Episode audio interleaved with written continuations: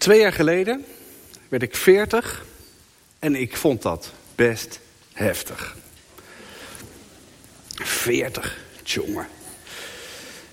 En als ik mezelf dan nog een beetje jong voelde, nou, dan was dat toen echt wel voorbij.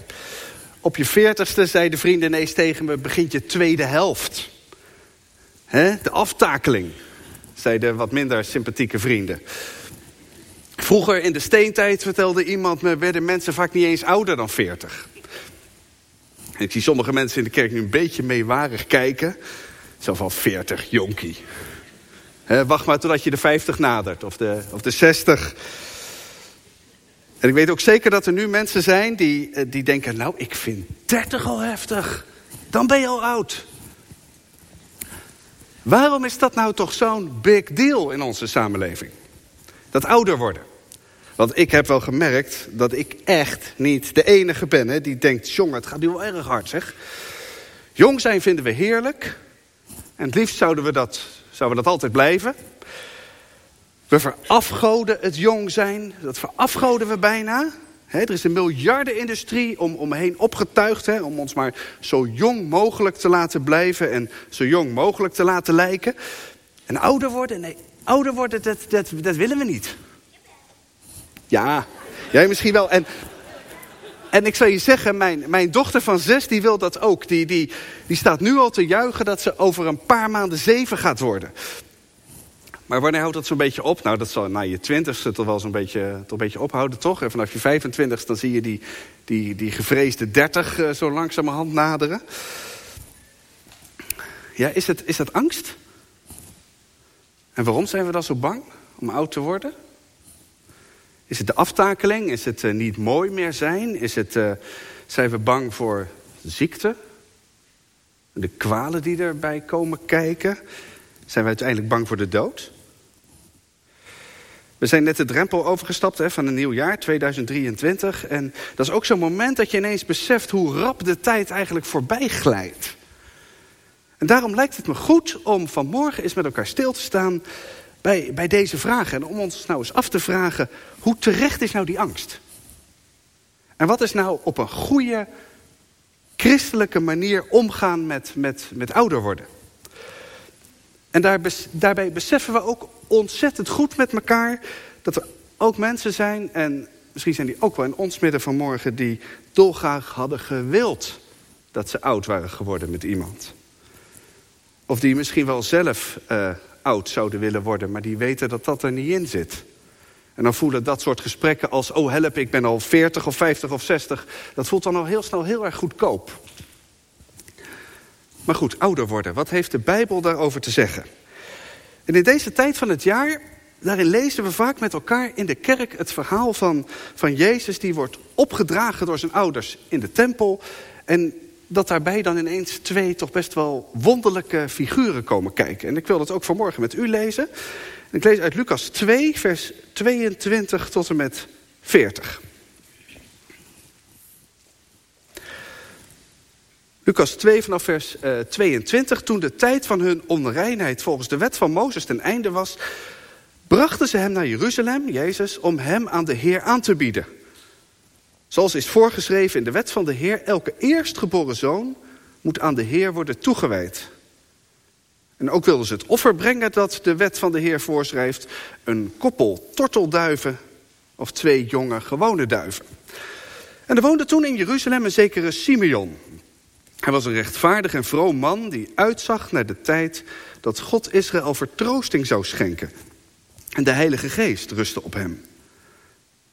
En het was hem door de Heilige Geest geopenbaard dat hij niet zou sterven voordat hij de Messias van de Heer zou hebben gezien. En gedreven door de Geest kwam hij naar de tempel. En toen Jezus' ouders hun kind daar binnenbrachten, om met hem te doen wat volgens de wet gebruikelijk is, nam hij het in zijn armen en hij loofde God met de woorden, nu laat uw Heer uw dienaar in vrede heen gaan, zoals u hebt beloofd. Want met eigen ogen heb ik de redding gezien, die u bewerkt hebt ten overstaan van alle volken. Een licht dat geopenbaard wordt aan de hedenen en dat tot eer strekt van Israël uw volk. Zijn vader en moeder waren verbaasd over wat er over hem werd gezegd. En Simeon zegende hen en hij zei tegen Maria, zijn moeder... Weet wel dat velen in Israël vanwege hem ten val zullen komen. Of juist zullen opstaan. Hij zal een teken zijn dat weersproken wordt. En zelf, zelf zult u als door een zwaard doorstoken worden. Zo zal de gezindheid van velen aan het licht komen. Er was er ook een profetes, Hanna, de dochter van Fanuel uit de stam Aser. En zij was hoogbejaard. Vanaf haar huwbare leeftijd had ze zeven jaar met haar man geleefd en nu was ze al 84 jaar weduwe. En ze was altijd in de tempel waar ze God dag en nacht diende met vasten en bidden. En op dat moment kwam ze naar hen toe, bracht hulde aan God en sprak over het kind met allen die uitzagen naar de bevrijding van Jeruzalem.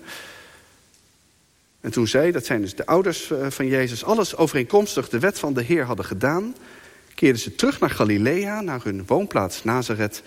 Het kind groeide op, werd sterk en was vervuld van wijsheid. En Gods genade rustte op hem.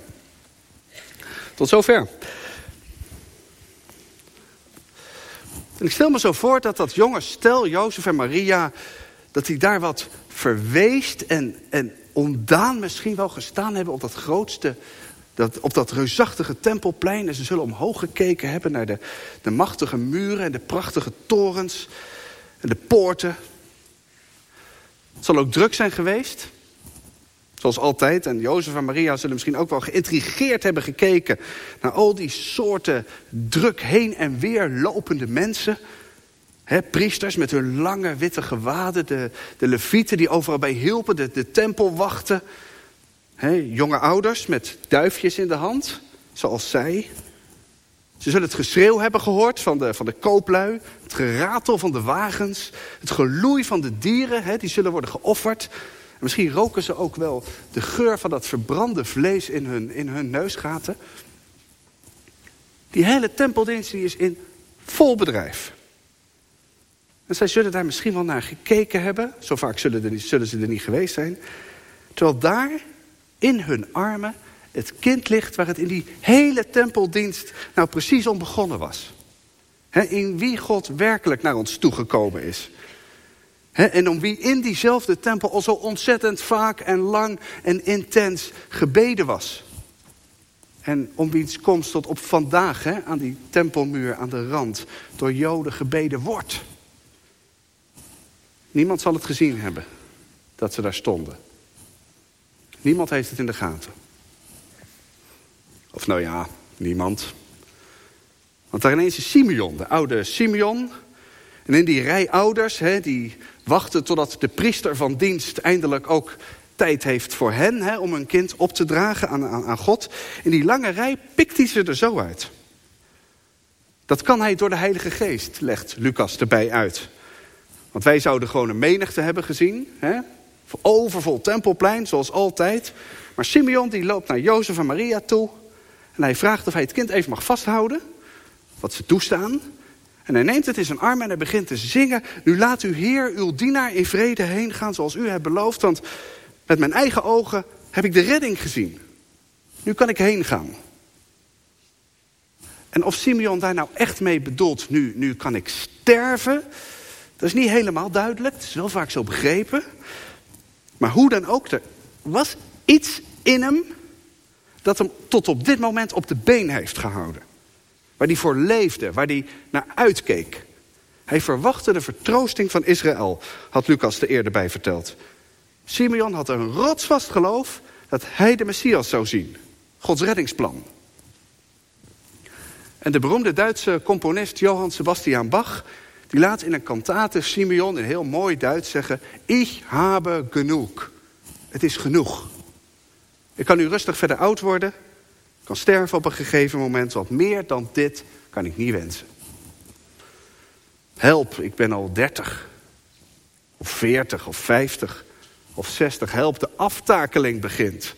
Alles wordt vanaf nu minder. Simeon lijkt er geen last van te hebben.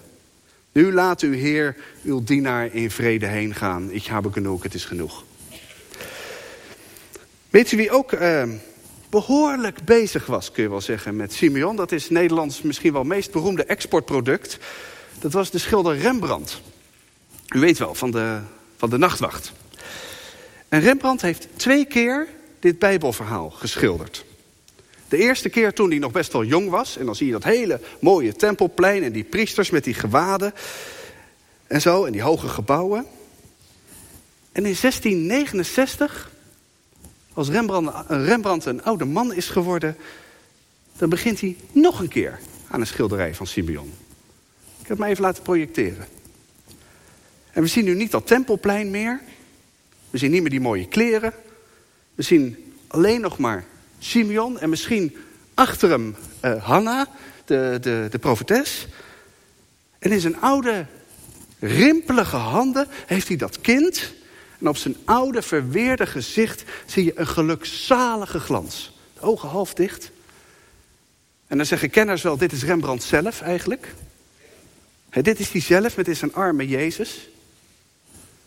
En dit schilderij, dat is, dit is niet af. Dat zal ook nooit afkomen. Want het is nog niet klaar als Rembrandt ineens overlijdt. En zijn familie vindt het als ze zijn atelier gaan opruimen. Simeon. Ja, oud worden, dat wil iedereen, wordt vaak gezegd. Maar daadwerkelijk ouder worden en oud zijn, dat wil niemand. Wat vind je van Simeon? Wat vind je van die gekke oude man? Of heeft hij wel iets met zijn tevredenheid en zijn geluk? Snap je dat sommige mensen, onder wie dus, dus Rembrandt... misschien zelfs wel een beetje jaloers op hem waren? In onze cultuur, ik zei dat net al, is een soort afkeer ontstaan van, van alles wat oud is. Jong, dat, dat is het helemaal. He, oud, dat is ouderwets, dat is achterhaald, dat is traag, dat is lelijk... dat is niet meer snappen hoe het leven werkt... Dat is pijn, dat is ziekte, dat is duur. En uiteindelijk is dat dood. Vergeef me als ik het zo direct allemaal zeg vanmorgen. Maar dat is hoe in onze samenleving heel vaak tegen ouder worden... en ook ten diepste tegen ouderen vaak wordt aangekeken. Terwijl dat zo'n onchristelijke manier is... om tegen het leven en tegen ouder worden aan te kijken. En tegen ouderen. Kijk je vanuit het, vanuit het christelijk geloof en vanuit de Bijbel naar ouder worden. En dan maakt het nu even niet uit of je een tiener bent of een twintiger of in de 30, 40, 50, 60, 80, 100. Dan is ouder worden, is groeien. Groeien in liefde, in karakter, in de navolging van Christus, in mildheid, in vriendelijkheid, genadigheid, geduld, in volharding, in vertrouwen op God. Het leven is niet aftakelijk christelijk gezien, waarbij alles alleen maar minder en minder en minder en minder wordt. Het is groeien naar Gods koninkrijk toe. Het wordt niet minder, het wordt juist mooier. En misschien zou je dan wel moeten zeggen, niet ach, ik ben al 42, maar joepie. Ik ben 42.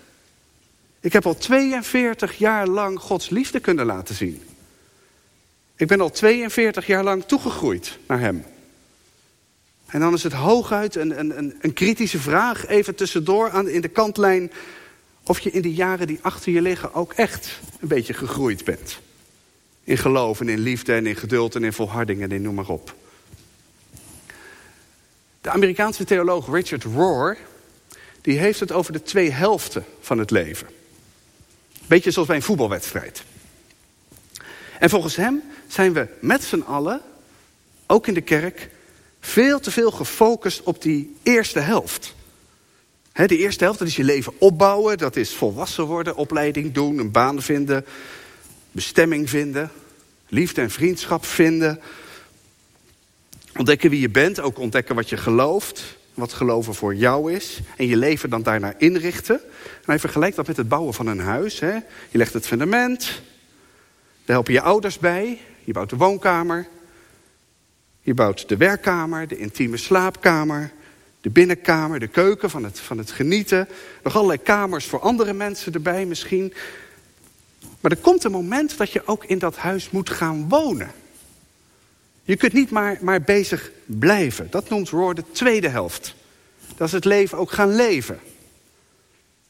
En die helften die gaan meestal niet zo heel strak in elkaar over. zo van boem van de een op het andere moment.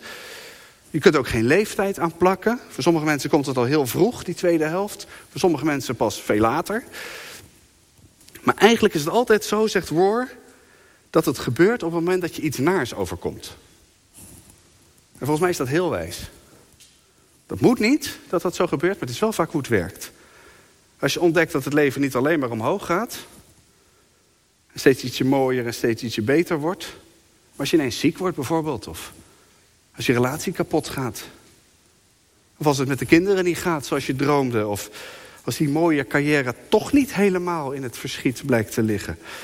En dan kun je denken, dat is een ramp, dan komt het nooit meer goed. Je kunt denken, hoe ouder je wordt, hoe minder het wordt. Je kunt ook anders gaan kijken. Naar jezelf, naar de wereld, naar andere mensen. Wat realistischer en tegelijk wat genadiger. Wat meer met de ogen van God. Is dat makkelijk? Is dat een paar keer uh, tjaka roepen en alles komt weer goed? Wel nee, het evangelie van Gods genade is, is, is niet van tjaka. Het is zien dat we, zoals Roar het noemt, bij God niet omlaag vallen, maar omhoog vallen. Ik moet dan aan een trampoline denken. Hoe diep je ook gaat, je valt omhoog in de armen van God. Dat is het leven. Dus misschien is het wel juist hoe dieper, hoe hoger. Ouder worden, dat is christelijk gezien genadiger worden. Het is wijzer worden. Het is meer meemaken van het leven en dus ook meer meemaken van God. In hun grijze ouderdom zingt Psalm 92 over wie met God leeft, zullen ze nog vruchten dragen. Ze zullen niet grijs zijn, maar fris en, en groen. En hun vruchten voor henzelf en, en, en ook voor anderen... die zullen heel wat langer houdbaar zijn... dan veel van wat wij in de eerste helft van onze levens... allemaal bij elkaar produceren. En laten alle ouderen, alle twintigers en alle dertigers en alle veertigers en zestigers en noem maar op...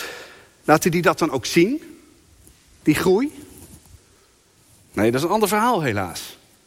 veel mensen laten met de jaren niet de liefde en de ruimte en het geduld groeien, maar juist de boosheid en de bitterheid. Maar dat hoeft niet. Dat is niet een automatisme. Hoe ouder, hoe rancuneuzer. Christelijk gezien is het juist andersom.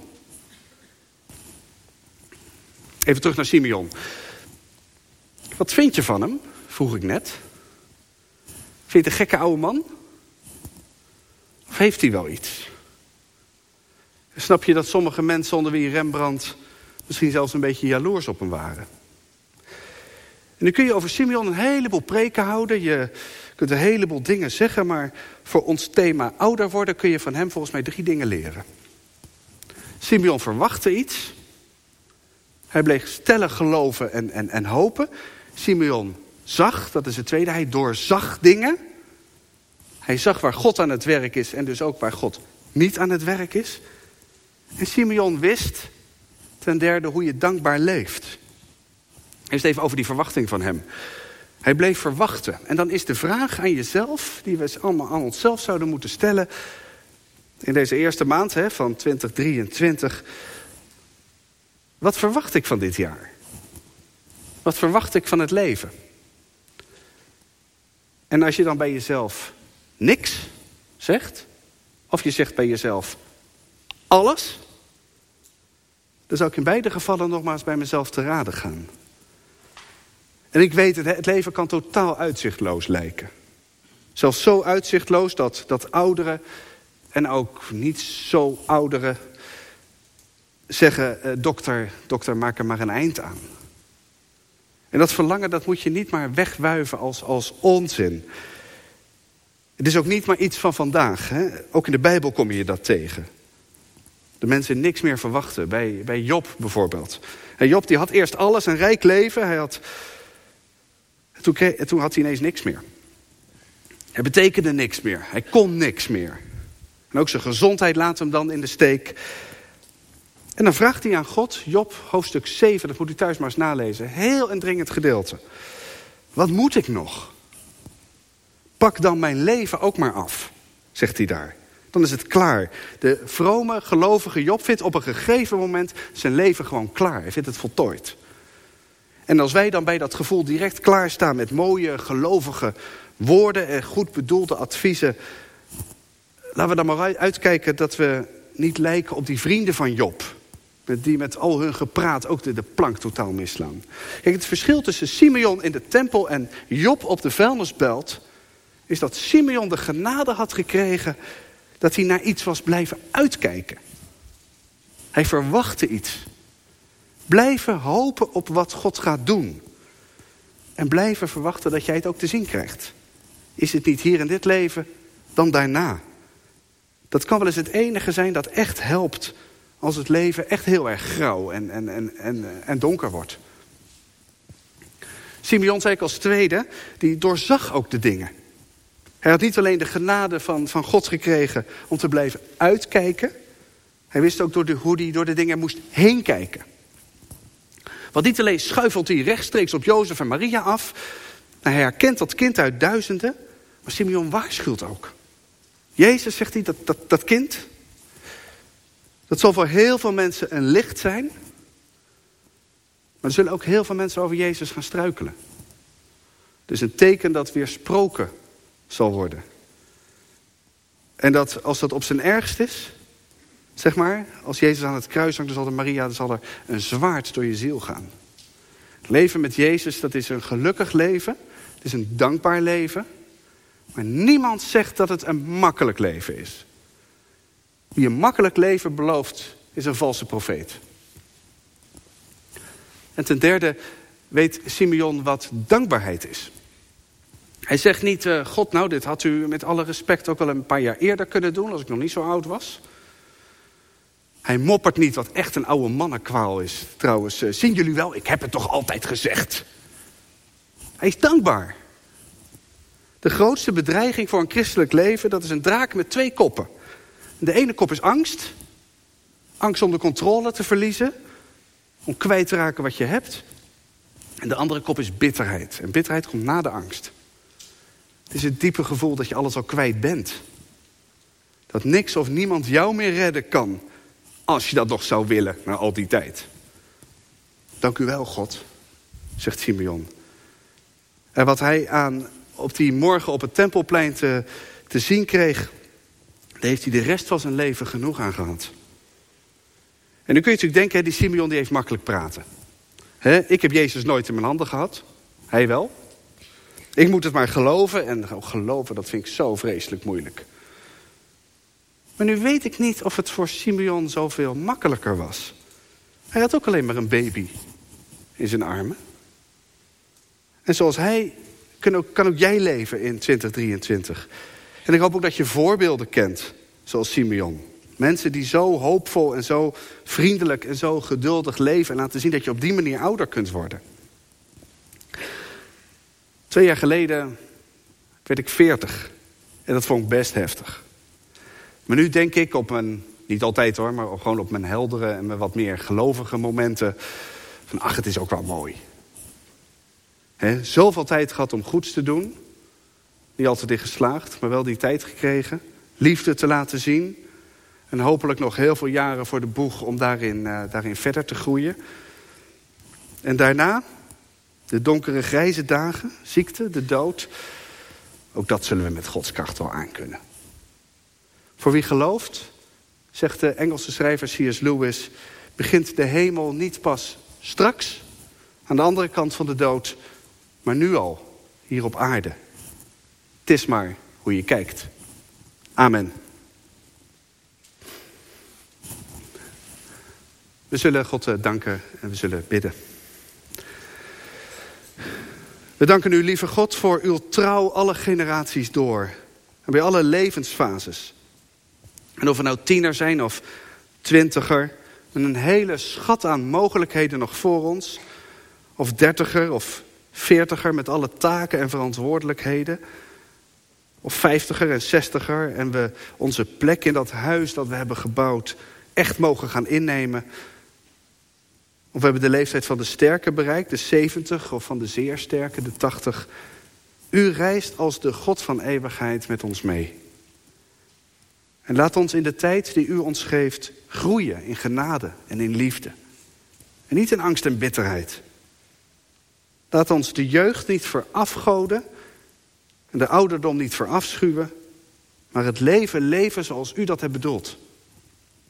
Toeleven en groeiend naar uw grote toekomst. Dat als het donker wordt en we door de vallei van de schaduwen des doods moeten reizen, de hoop daarop niet zullen verliezen. Omdat we zo diep niet kunnen vallen of we vallen in uw hand. In Jezus' naam. Amen.